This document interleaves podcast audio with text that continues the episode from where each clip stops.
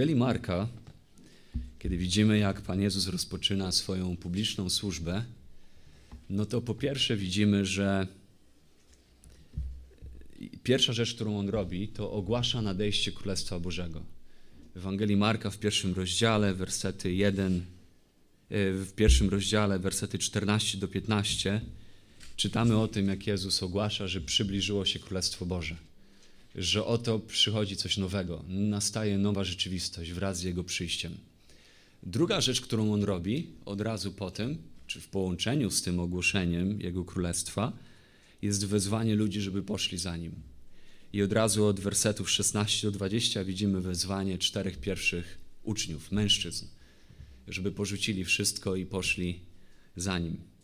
I ten pierwszy akt Jezusa, kiedy On rozpoczyna swoją publiczną służbę, no, odnosi się do nadejścia tej nowej właśnie rzeczywistości, Królestwa Bożego, które się przybliża w Jego osobie, w Jego przyjściu. Jest to coś innego niż wszystko, co do tej pory Boży ludzie mogli doświadczyć, zobaczyć, poznać. Jest to coś kompletnie nowego, coś kompletnie innego niż jedynie jakaś modyfikacja starego systemu. Oto przybliża się Królestwo Boże, oto przychodzi Mesjasz, nastaje coś nowego, nowa era. A ten drugi akt Jezusa ukazuje naturę tej nowej rzeczywistości. Nie całą naturę tej nowej rzeczywistości, ale częściowo naturę tej nowej rzeczywistości. Że ta nowa rzeczywistość wiąże się z nowym ludem, stworzeniem nowej społeczności ludzi, którzy porzucają wszystko, żeby iść za nim. Rzeczywistość nowej społeczności ludzi, którzy stają się jego uczniami którzy stają się Jego naśladowcami, którzy poddają się Jemu, żeby podążać za Nim. Bo oto Król Jezus, monarcha absolutny, który wzywa ludzi, żeby szli za Nim i by byli Jego uczniami. Pewien biblista zauważa taką rzecz. Wiodącym założeniem w amerykańskim kościele jest to, że można być chrześcijaninem nie będąc uczniem. Myślę, że to nie jest problem tylko amerykańskiego kościoła. Myślę, że jest to problem w ogóle współczesnego chrześcijaństwa, kościoła wszędzie. Że wiodącym założeniem w kościele potrafi być to, że można być chrześcijaninem nie będąc oddanym uczniem. Ten biblista kontynuuje mówiąc: Musimy zmienić nasze myślenie o tym, czym jest uczniostwo. Bycie człowiekiem Chrystusa znaczy bycie Jego uczniem. Nie ma dwóch kategorii. W dziejach 14, 21, 22, w dziejach apostolskich 14, 21, 22. Czytamy tak. Zwiastując dobrą nowinę także temu miastu, jest tutaj mowa o zespole misyjnym Pawła, Barnaby, pozyskali wielu uczniów i zawrócili do Listry, Ikonium i Antiochii, utwierdzając duszę uczniów i zachęcając, aby trwali w wierze i mówiąc, że musimy przejść przez wiele ucisków, aby wejść do Królestwa Bożego. Co widzimy tutaj w tym fragmencie? W tej księdze, która opisuje to, jak uczniowie, jak apostołowie, jak wierzący rozumieli wypełnianie wielkiego nakazu misyjnego, który zostawił im Pan Jezus, chociażby w Mateusza 28, który za chwilę przeczytamy też. No widzimy tutaj, że ci, którzy uwierzyli zwiastowanej Ewangelii, widzimy, że wchodzą zwiastuni Ewangelii Chrystusowej do miasta, głoszą Ewangelię. Ci, którzy nawracają się do tej Ewangelii, ci, którzy wierzą tej Ewangelii, są nazwani uczniami. Są nazwani uczniami.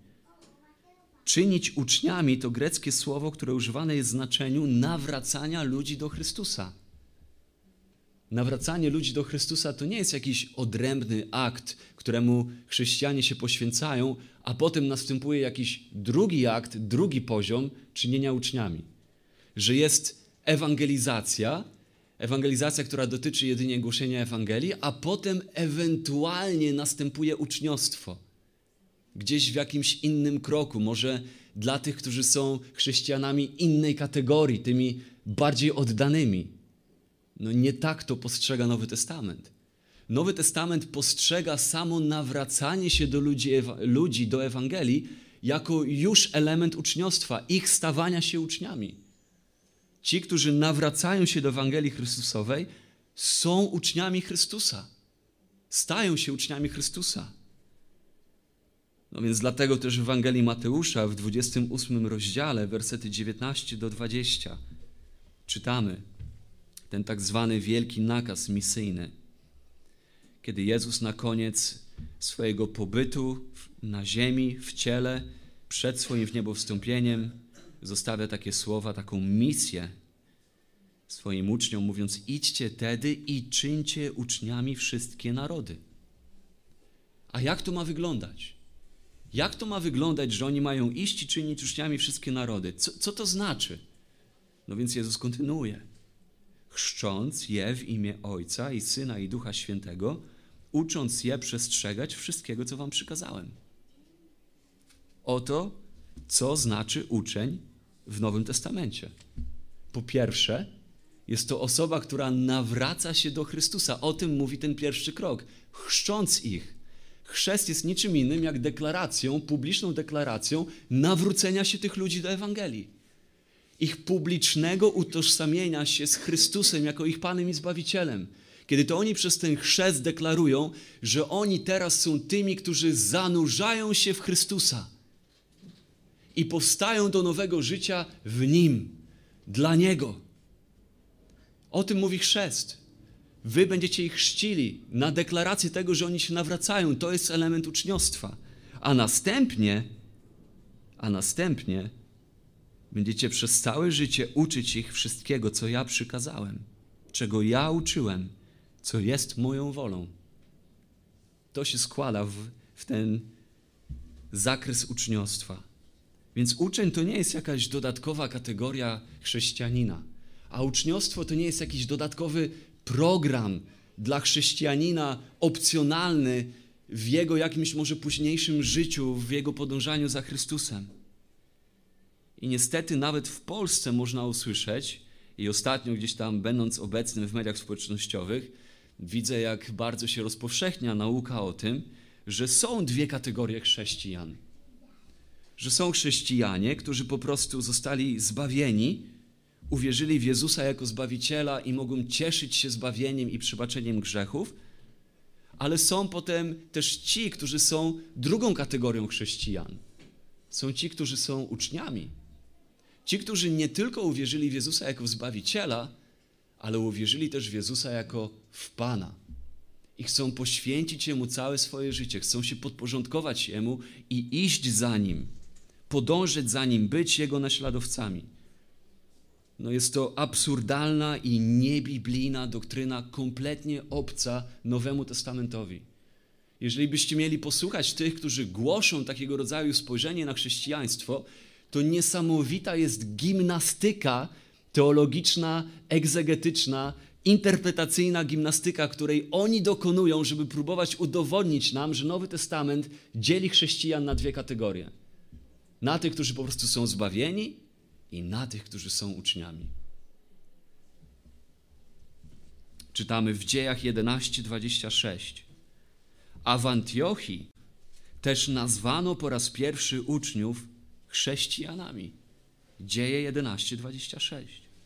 Innymi słowy, każdy, kto nawrócił się do Chrystusa w Antiochii i był rozpoznany jako ten, który nawrócił się do Chrystusa, był we wspólnocie kościołów czy kościoła w Antiochii, nie wiemy ile kościołów w Antiochii było, był uczniem. I ci uczniowie zostali nazwani chrześcijanami po raz pierwszy.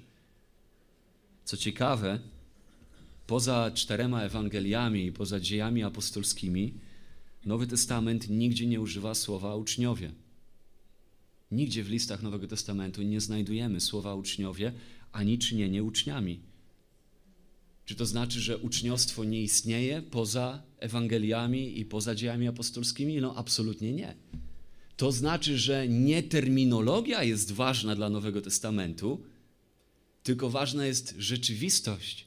Rzeczywistość tego, kim są ci, którzy zadeklarowali wiarę w Chrystusa, którzy zostali odrodzeni przez Chrystusa, którzy nawrócili się do Chrystusa, Ważna w Nowym Testamencie jest rzeczywistość tego, kim oni są, a nie terminologia.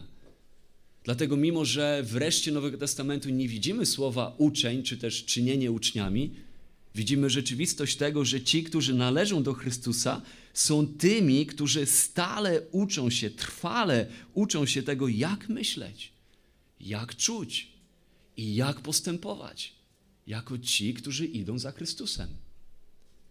A tego nie da się nie zauważyć we wszystkich pismach Nowego Testamentu, mimo że nie występuje tam słowo uczeń i uczniostwo i czynienie uczniami. Dlatego, że uczniostwo nie jest jakimś programem, nie jest jakimś późniejszym aspektem życia chrześcijanina. Uczniostwo jest tożsamością chrześcijanina. Jest to, kim chrześcijanin jest w swej naturze jeżeli chrześcijaninem jest, jest uczniem.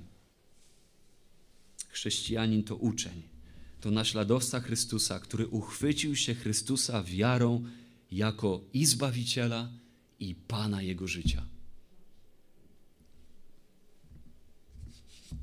I tak jak tożsamość Jezusa, oczywiście my to doskonale rozumiemy, że tożsamość Chrystusa nie może być oddzielona od dzieła Chrystusa to, kim Chrystus jest, jest powiązane z tym, co On uczynił i to, co On wciąż czyni. Tożsamość Boga jest powiązana z dziełami Boga. Tak nasza tożsamość nie może być oddzielona od wezwania do tego, by za Nim iść. Jeżeli jesteśmy chrześcijanami, jesteśmy Jego uczniami. Każdy chrześcijanin jest wzywany, by wzrastać, by podążać, kroczyć do przodu by czynić progres w swoim chrześcijańskim życiu ku swojej duchowej dojrzałości. Otwórzmy Efezjan, czwarty rozdział, wersety 11 do 16. Efezjan, czwarty rozdział, od 11 do 16.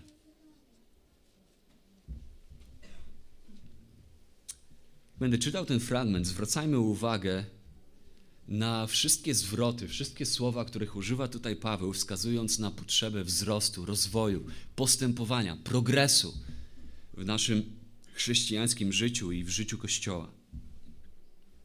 Czytamy: I on, Jezus oczywiście, ustanowił jednych apostołami, drugich prorokami, innych ewangelistami, a innych pasterzami i nauczycielami, aby przygotować świętych do dzieła posługiwania do budowania ciała Chrystusowego, aż dojdziemy wszyscy do jedności wiary i poznania Syna Bożego, do męskiej doskonałości i dorośniemy do wymiarów pełni Chrystusowej, abyśmy już nie byli dziećmi miotanymi i unoszonymi lada wiatrem nauki przez oszustwo ludzkie i przez podstęp prowadzący na bezdroża błędu, lecz abyśmy, będąc szczerymi w miłości, wzrastali pod każdym względem w Niego, który jest głową, w Chrystusa, z którego całe ciało spojone i związane przez wszystkie wzajemnie się zasilające stawy, według zgodnego z przeznaczeniem działania każdego poszczególnego członka, rośnie i buduje siebie samo w miłości. Jakże wyraźnie widzimy tutaj Boży zamysł dla Kościoła Boży zamysł dla chrześcijan. Dla wszystkich, którzy są w kościele bez wyjątku. Paweł nie czyni tu wyjątków. Mówi o kościele jako całości, aby wszyscy dochodzili do jedności wiary i poznania Syna Bożego, aby wzrastali na miarę pełni Chrystusowej. Trzynasty werset o tym mówi. I aby wzrastali wszyscy, aby wzrastali pod każdym względem w Chrystusa. Mówi o tym 15 werset. Każdy z nas, aby wzrastał, aby uczył się, aby postępował, czynił progres, podejmował wysiłek, aby zmieniać się, postępować do przodu pod każdym względem. Nie ma w Królestwie Bożym wśród chrześcijan czegoś takiego jak kler i pozostali. Nie ma w Kościele Bożym czegoś takiego jak podział na duchowieństwo i laikat. To jest ta cenna doktryna reformacji, cenna doktryna, którą reformacja przywróciła, która jest doktryną Nowego Testamentu, którą nazywamy doktryną powszechności kapłaństwa. My wszyscy jesteśmy kapłanami. Wszyscy mamy wstęp do obecności Bożej przez naszego arcykapłana Chrystusa, by stawać ze śmiałością przed tronem Bożej łaski, by zbliżać się z odwagą i z wiarą, oczyszczeni w sumieniach naszych do Niego, by żyć z Nim i uczyć się żyć z Nim. Nie ma w kościele chrześcijańskim czegoś takiego jak podział na zawodowych chrześcijan i ewentualnie niedzielnych chrześcijan. Na uczniów i ewentualnie tych, którzy po prostu zdecydowali, że będą cieszyć się zbawieniem i przebaczeniem grzechów. Nie, widzimy, że Boży zamysł dla Kościoła, dla chrześcijan jest taki, aby wszyscy postępowali we wzroście, wzrastali pod każdym względem w Niego, w Chrystusa. Kościół, ciało, które opisuje Paweł w Efezjan, widzimy w wersecie 16. Dobrze spojone ciało, związane przez wszystkie zasilające się stawy, ciało, w którym każda poszczególna część tego ciała działa zgodnie ze swoim przeznaczeniem i że to może mieć miejsce tylko wtedy, gdy wszyscy w ciele wzrastają. Ten obraz opisany przez Pawła w szesnastym wersecie zdrowo działającego organizmu, gdzie wszystko jest właściwie związane stawami i ścięgnami i ciało jest w stanie operować we właściwy sposób. Każda część tego ciała działa w należyty dla niej sposób. Jest tylko możliwe, kiedy wszystkie części tego ciała podejmują wysiłek, by wzrastać.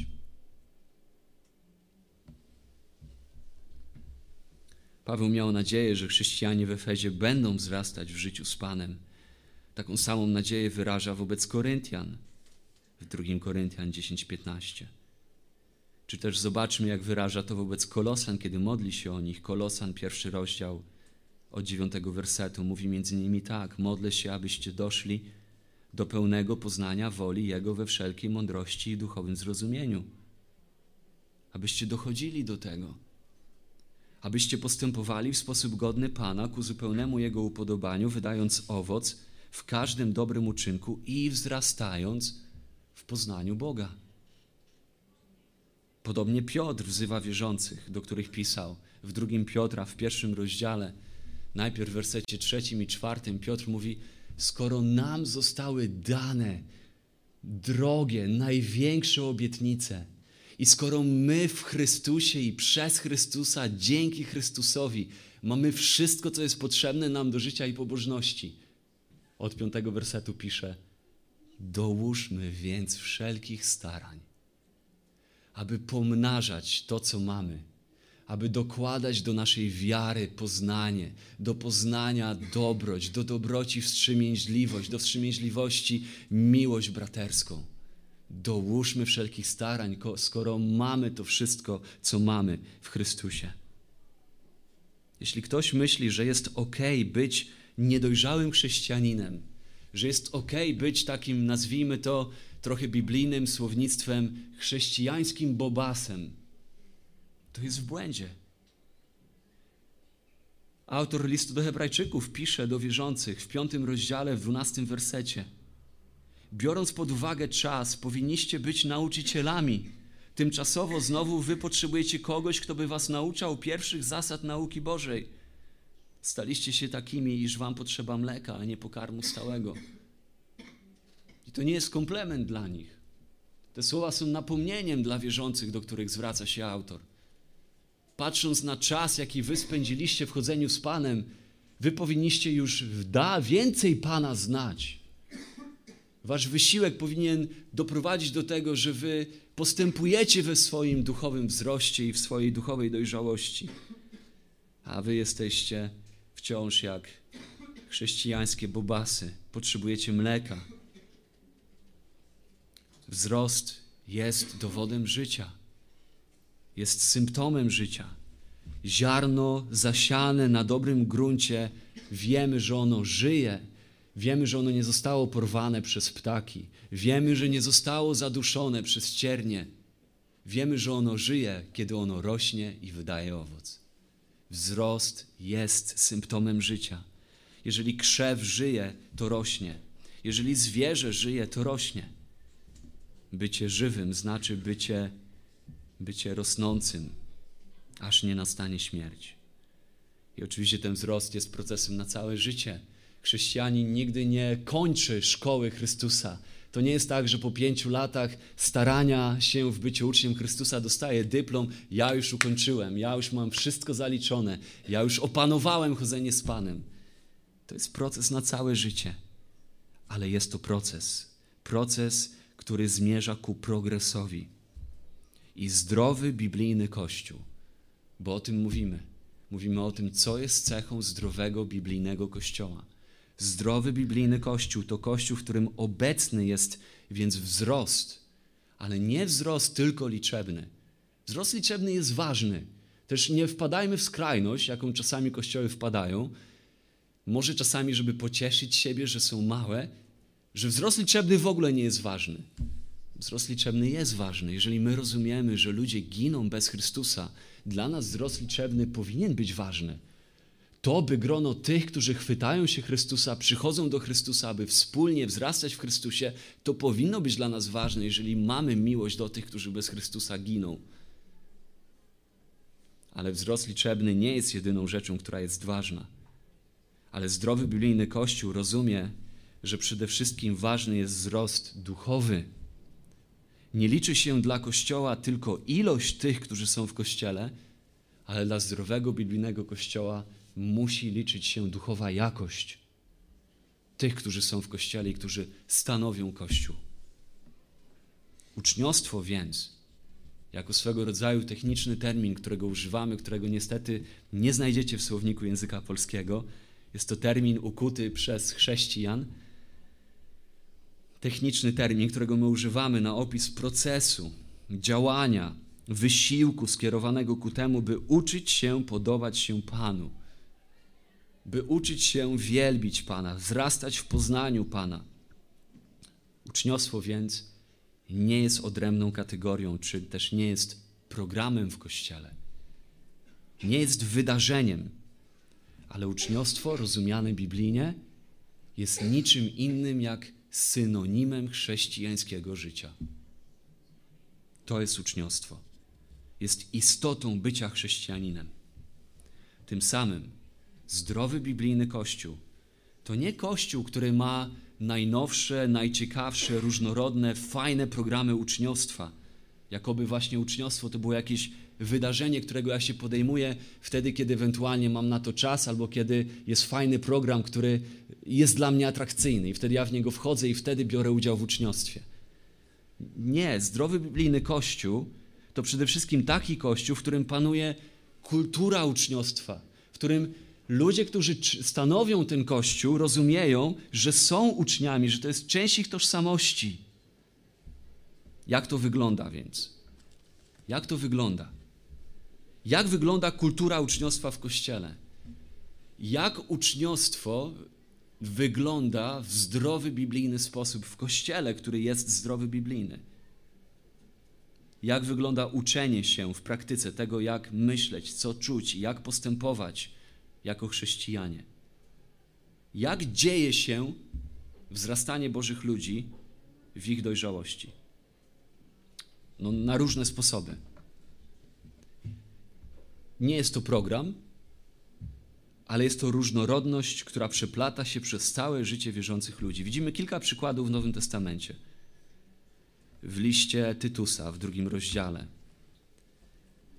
czytamy od czwartego wersetu na przykład, od trzeciego nawet zaczynając, Tytusa 2-3. Starsze kobiety mają również zachowywać godną postawę, jak przystoi świętym.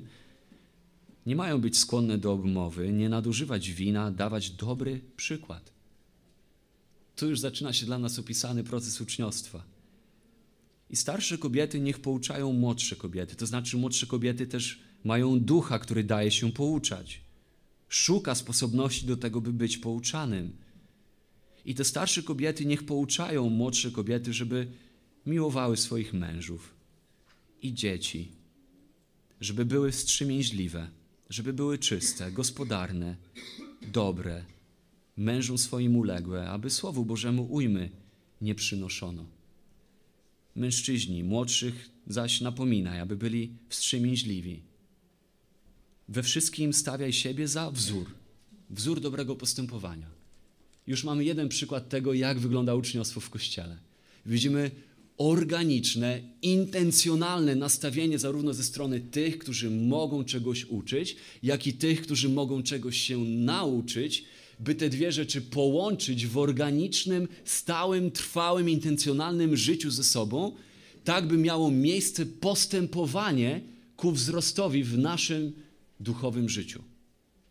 Widzimy w 2 Tymoteusza 2:2 przykład tego, jak Paweł uczył Tymoteusza, jak ten z kolei miał uczyć innych, tak by ci, których on nauczy, mogli uczyć innych. W Efezjan 6:4 widzimy przykład tego, jak ojcowie mają uczyć swoje dzieci. W Hebrajczyków 3:13 czytamy: Słowa, które zwracają się do wszystkich chrześcijan. Te słowa nie zwracają się jedynie do starszych kościoła. One zwracają się do ciebie, bracie i siostro. Napominajcie jedni drugich każdego dnia, dopóki trwa to, co się nazywa dzisiaj, aby nikt z was nie popadł w zatwardziałość przez oszustwo grzechu. Widzimy tutaj opis tego, jak wygląda zdrowy biblijny kościół w aspekcie uczniostwa. To jest kościół, w którym wszyscy chrześcijanie zachęcają i pobudzają siebie nawzajem każdego dnia, aby pomóc sobie wzajemnie unikać grzechu. Widzimy to w tym wersecie. Widzimy, jak niepopadanie w zatwardziałość przez oszustwo grzechu jest zależne od tego, jak my aktywnie i intencjonalnie jesteśmy zaangażowani we swoje wzajemne życie w celu zachęcania i napominania siebie. Widzimy to w tym fragmencie. Widzimy, że tego nie da się wygenerować siedzeniem i słuchaniem kazania przez 50 minut na niedzielnym nabożeństwie. Ale to wynika z kultury intencjonalności zaangażowania Bożych ludzi w swoje życie, w duchowe dobro swoje wzajemne. 1 Piotra 4:10 Widzimy, jak to ma miejsce w tym, jak wszyscy wierzący służą sobie nawzajem, każdy tym darem, tą łaską, którą Bóg im dał. Dzieje apostolskie 18, 24 do 26 mamy przykład Pryscyli i Akwili, którzy biorą pod skrzydła Apolosa i objaśniają mu drogę pańską. Łatwo sobie wyobrazić, jak oni po prostu przygarniają Apollosa, jak on spędza czas w ich domu, jak on spędza czas, kiedy oni po prostu podejmują się codziennych zadań, kiedy oni siadają z nim, otwierają przed nim pismo, tłumaczą mu drogę pańską, ale także jak, oni, jak on spędza z nimi czas w ich rodzinnym kontekście, w ich codziennym kontekście ich życia i po prostu uczy się tego, co znaczy być człowiekiem, który idzie za Chrystusem. Rzymian 15:14 ja sam zaś, bracia moi, mam pewność co do was, że i wy jesteście pełni dobroci, napełnieni umiejętnością wszelkiego rodzaju i możecie jedni drugich pouczać. Znowu, Paweł nie zwraca się do starszych, nie zwraca się do nauczycieli, nie zwraca się do duchowieństwa, do kleru w kościele. Zwraca się do wierzących, do których pisze ten list. Mam nadzieję, że Wy będziecie tymi, którzy są w stanie jedni drugich uczyć, pouczać. Są w stanie wkładać duchową prawdę w życie innych ludzi. Widzimy, że Kościół to miejsce, w którym wszyscy zaangażowani są w uczenie się chodzenia z Panem, ale i pomaganie w chodzeniu z Panem innym. Że Kościół jest to ta organiczna zależność wszystkich części tego ciała że dłoń daje coś całemu ciału, ale dłoń też bierze coś od reszty ciała.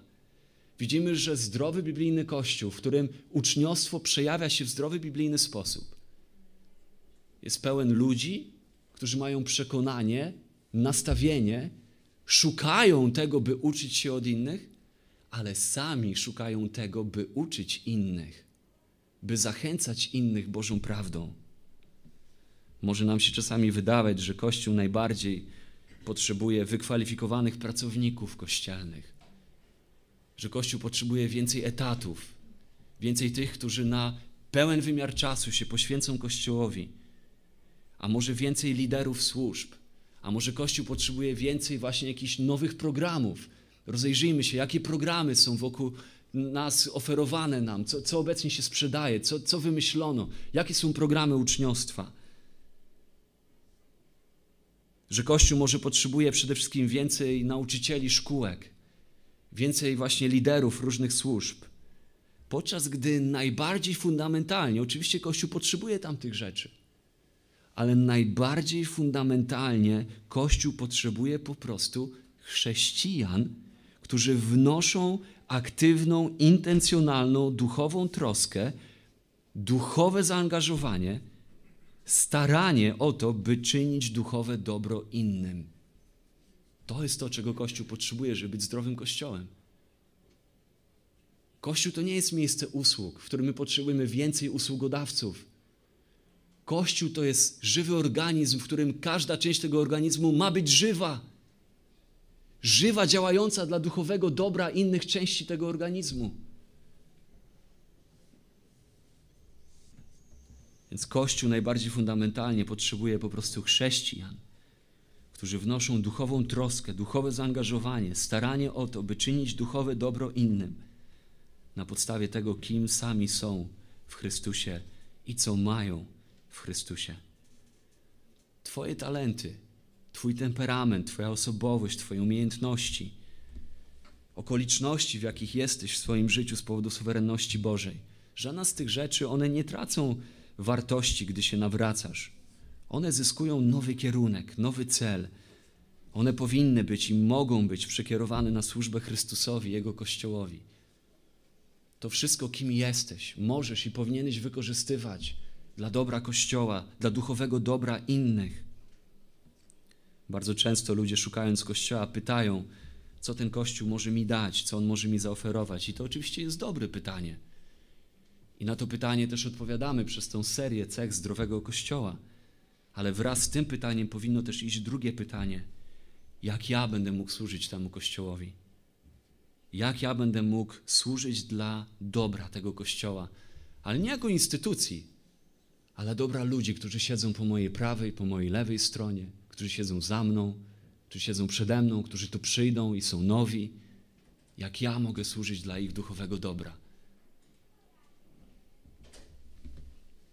Nasz instynkt może nam podpowiadać oczywiście, że niewiele, no bo kimże ja jestem. Ale Nowy Testament, kochani, nie pozostawia nam takiej opcji. Nie pozostawia nam opcji, by myśleć, że ja mogę niewiele uczynić dobrego dla mojego kościoła. Każdy członek ciała jest ważny dla zdrowia i dobrostanu całości. 1 Koryntian 12:22 Paweł pisze: Wprost przeciwnie, te członki ciała, które zdają się być słabszymi, są potrzebniejsze. Nie ma w Królestwie Bożym osób gorszej kategorii. Mamy różne role, mamy różne okoliczności życiowe, znajdujemy się w różnych sytuacjach, w różnych zadaniach stawia nas Bóg, ale każdy z nas może i powinien nie tylko sam stale wzrastać w byciu uczniem, ale też pomagać innym w byciu uczniami Chrystusa. Tak wygląda kultura uczniostwa. Tak wygląda uczniostwo w zdrowym biblijnym kościele, że cały Kościół jest intencjonalnie zaangażowany w czynienie duchowego dobra innym. Nie chciałbym absolutnie minimalizować nauczania, głoszenia Bożego Słowa w Kościele. Myślę, że każdy wie, jaka jest moja opinia, jakie jest moje zdanie na temat tego, jak centralnym nauczanie i głoszenie Bożego Słowa Pismo czyni w życiu Kościoła i w życiu Bożych ludzi. Mam nadzieję, że nie muszę tego udowadniać. Jestem przekonany, że nauczanie Bożego Słowa w głoszeniu kazań, w wykładach tego Słowa, nawet w środku tygodnia jest istotną, centralną rzeczą w życiu Kościoła. Nawet dwa pierwsze kazania z serii Cech Zdrowego Kościoła mówiły dokładnie o tym. Więc nie chcę minimalizować nauczania, wykładania, głoszenia słowa w formie jakiegoś monologu, przekazu informacji Bożym ludziom. Absolutnie. Ale myślę, że realnym problemem, zagrożeniem dla Kościoła, w którym tak centralną rolę odgrywa głoszenie słowa, jest pomylenie bycia scentralizowanym na Słowie Bożym, bo my chcemy być Kościołem scentralizowanym na Bożym Słowie. Zdrowy biblijny Kościół musi być Kościołem scentralizowanym na Słowie, ale istnieje ogromne niebezpieczeństwo pomylenia tego, że być scentralizowanym na Słowie znaczy być scentralizowanym na wykładzie Słowa. Że być scentralizowanym na Słowie znaczy być scentralizowanym na kazaniu. To jest ogromne niebezpieczeństwo. To może być ogromne niebezpieczeństwo nas, którzy jesteśmy w kościele, który jest tak mocno scentralizowany na słowie, że może nam się wydawać, że nasze chrześcijańskie życie, nasze uczniostwo to jest przyjście na wykład Bożego Słowa, wysiedzenie tego, wysłuchanie tego i na tym się kończy nasze zaangażowanie. To jest ogromne niebezpieczeństwo. Ludzie opowiadają się za kazaniami, opowiadają się za wykładami słowa, szanują, rozumieją centralność tego, argumentując właśnie, że Słowo Boże ma zajmować centralne miejsce i zakładają, że Słowo, że centralność Słowa i wykładanie Słowa są synonimami w praktyce chrześcijańskiej. I że na tym się kończy bycie scentralizowanym na Słowie. Zakłada się, że Słowa Bożego można nauczać tylko przez kazania, tylko przez wyłożenie słowa, przez wylanie informacji na kogoś i argumentuje się, że alternatywą do takiego podejścia, alternatywą dla kazań i wykładów jest po prostu anarchia i relatywizm, w których nie ma miejsca dla nauczyciela Słowa Bożego, który jest obdarzony Duchem Świętym. Trochę tak, jakby nauczyciele obdarzeni Duchem Świętym mogli wykorzystywać swój dar jedynie przez 45-minutowe wylewanie informacji. Tak jest trochę założenie. Absolutnie nie chcę dewaluować kazań ani wykładów, nauczania w formie wylewania informacji. Sam to robię regularnie w tym kościele. Ale to, co chcę zaznaczyć, to to, że bycie kościołem scentralizowanym na słowie znaczy coś więcej niż jedynie głoszenie kazań i głoszenie wykładów. I z drugiej strony jest czymś więcej niż jedynie wysłuchiwanie kazań i wysłuchiwaniem wykładów. Trochę jak rodzic, który uczy swoje dziecko. Wiemy, jak rodzice uczą dzieci. Mam nadzieję, że wiemy, jak rodzice uczą dzieci, że to jedynie nie dzieje się w wyodrębnionych, formalnych momentach tygodnia, kiedy stawiasz swoje dziecko, sadzasz swoje dziecko przed sobą z kilkuminutowym wykładem, a pomiędzy tymi wykładami nic się nie dzieje. Mam nadzieję, że rozumiemy, że dzieci uczą się od nas podczas spacerów, podczas wynoszenia śmieci, podczas sprzątania domu, podczas oglądania telewizji, podczas rozrywki, którą wspólnie wykonujemy, podczas robienia zakupów, podczas zranień, podczas radości. Podobnie w zdrowym biblijnym kościele chrześcijanie powinni uczyć się od siebie nawzajem, od innych i uczyć innych w kontekście całego życia. Nie tylko w programie uczniostwa. Mamy dziesięciotygodniowy nowy program uczniostwa, zapisz się. Programem uczniostwa jest Twoje całe życie, życie całego Kościoła. I w Kościele podobnie chrześcijanie powinni uczyć się od innych i uczyć innych w kontekście całego życia. Oczywiście zaznaczeniem, że w tej nauce kontentem jest zawsze Słowo. Kontentem jest Słowo przekazywane sobie nawzajem w kontekście całego życia. Kontent Słowa i kontekst życia. To jest to, jak wygląda zdrowe uczniostwo w zdrowym biblijnym kościele. Te dwa elementy są kluczowe dla kultury uczniostwa w kościele. Czyż nie taki przykład zostawił nam Jezus? Jakże często uczył przez dialog, przez ilustrację, przez opowiadanie historii. Czasami uczył w synagogach, ale przeważnie uczył w domach, przy posiłkach, w drogach, w podróży, w różnych miejscach. Słowa użyte w Nowym Testamencie na określenie nauczania to słowa zawierające w sobie na przykład ogłaszanie, deklarowanie prawdy, ale też się pojawiają słowa, które odnoszą się do dialogu, do debatowania, do podejmowania dyskusji. Taka ciekawostka.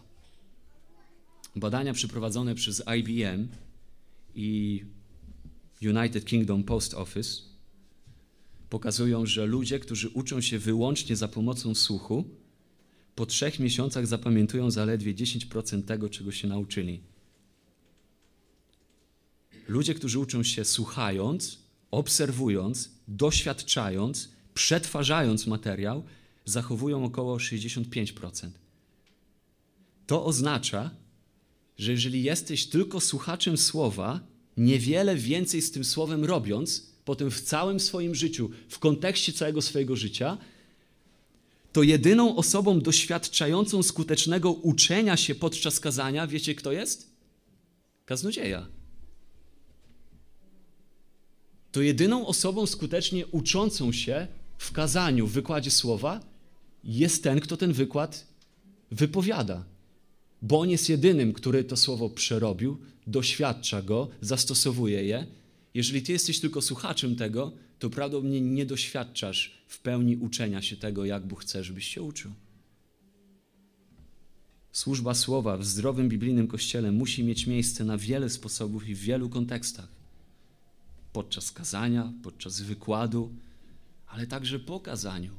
W tym, o czym my ze sobą rozmawiamy, jak ze sobą rozmawiamy. Podczas spotkań grup biblijnych, podczas nieformalnych odwiedzin, wzajemnej gościnności, podczas rozrywki, podczas dyskusji o wydarzeniach politycznych, wydarzeniach świata, podczas indywidualnych spotkań jeden na jeden dla wspólnego czytania jakiejś książki lub regularnej modlitwy z daną osobą, zatelefonowania do siebie nawzajem, żeby zapytać, jak się miewamy, żeby zachęcić się, żeby powiedzieć drugiej osobie: Słuchaj, ostatnio czytałem w słowie to i to mnie bardzo zachęciło. Kontent słowa przepleciony z kontekstem całego życia. Jakub pisze w swoim liście: Nie bądźcie jedynie słuchaczami słowa oszukującymi samych siebie, bądźcie wykonawcami słowa. Jakuba 1:22. Musimy nie tylko słuchać słowa, musimy je wprowadzać w życie. Kościoły są pełne ludzi, którzy uwielbiają słuchać kazań. Zwłaszcza dzisiaj kiedy mamy akces, mamy, mamy dostęp do wspaniałego nauczania przez kanały mediów społecznościowych i kanały internetowe. Jest pełno ludzi, którzy uwielbiają słuchać dobrych kazań, ale wysłuchanie kazania nic nie znaczy w oczach Boga, mówi Jakub. Wysłuchanie kazania nic nie znaczy. My oceniamy kościoły według tego, czy mają dobre nauczanie, czy nie. Ale Jakub mówi, że słuchanie wspaniałego nauczania nic nie znaczy. Liczy się dodatkowo zastosowywanie tego słowa. Liczy się nauczanie, które prowadzi do zmiany życia. Nigdy nie wolno nam czynić dobrego nauczania celem samym w sobie. Naszym celem musi być dobra nauka i następnie dobra praktyka, która przelewa się na całe nasze życie przeplatające się ze sobą nawzajem dla budowania jedni drugich, budowania ciała Chrystusowego, aż to ciało będzie rosło i budowało się w miłości i w prawdzie. To jest radykalnie inny sposób oceny tego, jak bardzo jesteśmy skupieni na Słowie. To, jak bardzo jesteśmy skupieni na Słowie, nie wynika z tego, jak długie kazania mamy w naszym kościele. To, jak my jesteśmy skupieni na Słowie, wynika z tego, jak wyglądają nasze jak wygląda intencjonalność naszych wzajemnych relacji ze sobą nawzajem. Czy my podejmujemy wysiłek, starania, by dbać o uczenie się od innych, by wpuszczać innych w swoje życie, ale też by szukać sposobności do uczenia innych, czynienia im duchowego dobra poprzez kontent słowa w naszym życiu. Jak skupieni jesteśmy na słowie, w sensie wypełniania choćby 1 Tesaloniczan 5, 14 i 15. Wzywam was też, bracia, napominajcie niesfornych, pocieszajcie bojaźliwych, podtrzymujcie słabych, bądźcie wielkoduszni wobec wszystkich. Znowu to są słowa skierowane do wszystkich wierzących. Aktywność w tym, by umieć zidentyfikować pośród nas bojaźliwych, słabych, niesfornych i zareagować na to w sposób biblijny, zgodny ze Słowem Bożym. Dlatego wierzę, że tak cenny będzie nasz obóz w tym roku. Z tym materiałem, który będziemy tam przerabiać. Ten kontekst życia połączony z kontentem słowa, odnoszący się do bycia uczniem, odzwierciedla streszczenie tego, jak miała wyglądać wiara Izraelitów. Piąta Mojżeszowa 6, wersety 4-5. Zobaczmy, Piąta Mojżeszowa 6, wersety 4-5.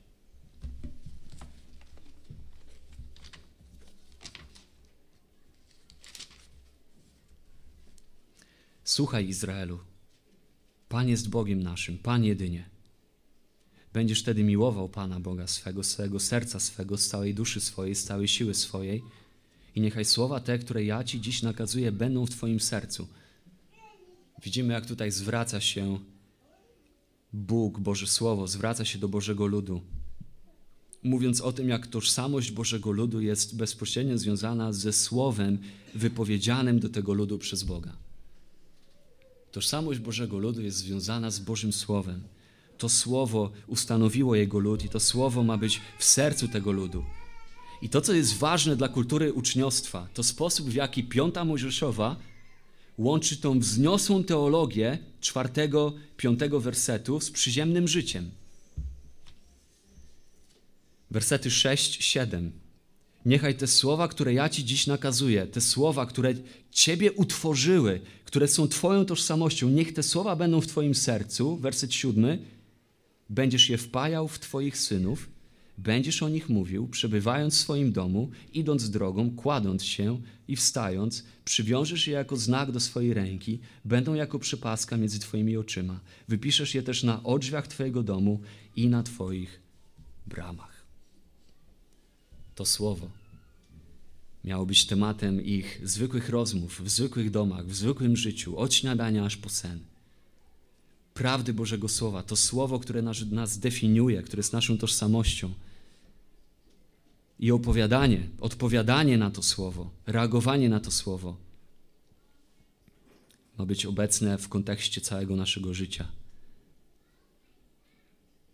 Powinniśmy uczyć się nawzajem intencjonalnie podczas spacerów, podczas jazdy samochodem, podczas zmywania naczyń.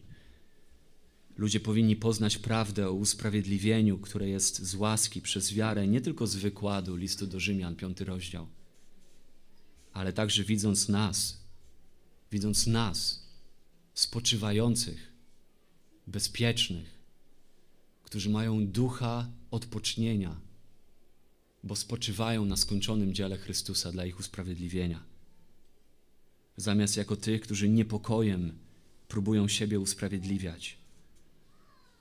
Z takim zaangażowaniem próbują siebie usprawiedliwić od swoich złych uczynków, żeby siebie uczynić dobrymi ludźmi przed obliczem Bożym.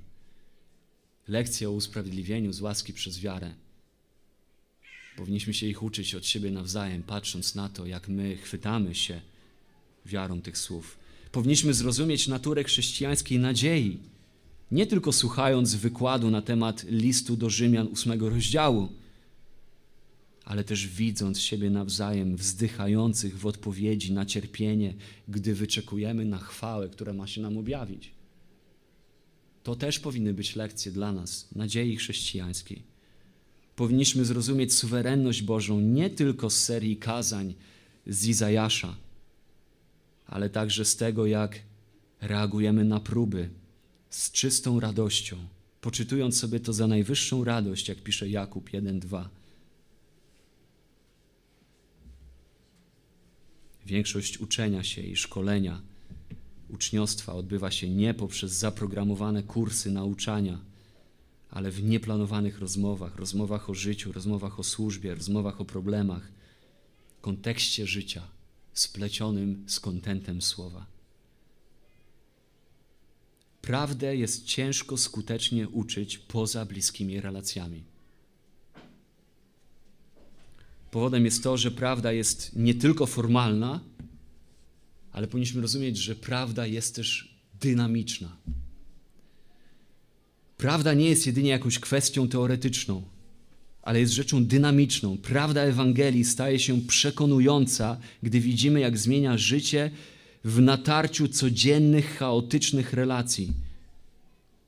Jay Adams, jeden z biblistów, autorytetów w kwestii doradztwa biblijnego, poradnictwa biblijnego, mówi tak: kompletna osoba taka, która jest kompletna z powodu dzieła Bożego Słowa w jej życiu, będzie wpływać na inne osoby kompletnie, na wszystkich poziomach.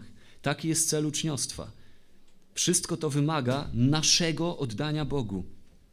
Dlatego celem jest prawda wcielona w życie. Kontent i kontekst. Aby osiągnąć ten cel, możliwa jest tylko jedna metoda biblijna uczniostwo. Kompletne osoby muszą uczyć inne osoby kompletnie. Słowo musi stać się ciałem. Słowo musi stać się ciałem. Więc możesz po prostu zacząć od opowiedzenia komuś dzisiaj o swojej relacji z Bogiem. Możesz zacząć nawet dzisiaj od opowiedzenia komuś o swoich zmaganiach z grzechem. Opowiedz mu o tym, jak Bóg cię zachęcił. Opowiedz komuś, jak Bóg odpowiedział na Twoją modlitwę. Opowiedz komuś o tym, jak Bóg przemówił do ciebie przez Biblię. Opowiedz komuś o tym, jak Bóg dał ci możliwość podzielenia się z kimś Ewangelią. Opowiedz komuś, jak Bóg dał ci możliwość służenia innym chrześcijanom. Opowiedz komuś nie tylko o swoich sukcesach, opowiedz o swoich porażkach. Zaoferuj komuś modlitwę, poproś o modlitwę. Następnie zapytaj daną osobę o to, jak sobie radzi w swoim chodzeniu z Bogiem. Bądźmy ludem, bądźmy kościołem, który wyrabia sobie nawyk wspólnego omawiania tych spraw w spoczynku, w drodze, w każdym miejscu, w każdym kontekście życia. Zdrowy, biblijny kościół lokalny jest kontekstem, w którym możemy wiernie wypełniać polecenia króla i demonstrować w ten sposób moc Jego łaskawego panowania nad nami i w nas.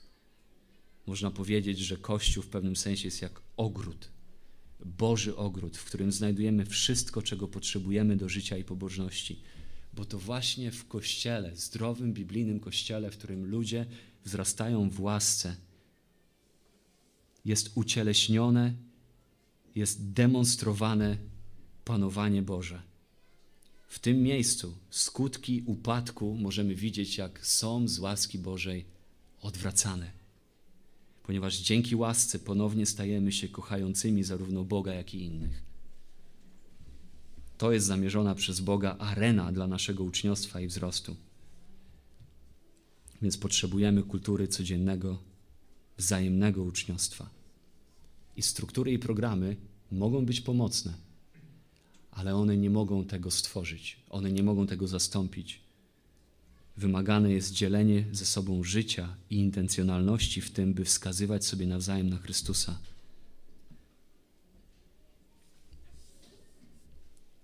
Jeżeli kto chce pójść za mną, niechaj się zaprze samego siebie i bierze krzyż swój na siebie codziennie i naśladuje mnie.